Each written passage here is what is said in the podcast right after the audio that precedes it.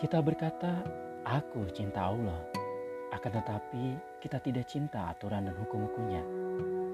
Kita berkata, "Aku cinta Rasulullah," akan tetapi kita tidak cinta sunnahnya dan orang-orang yang mengajarkannya.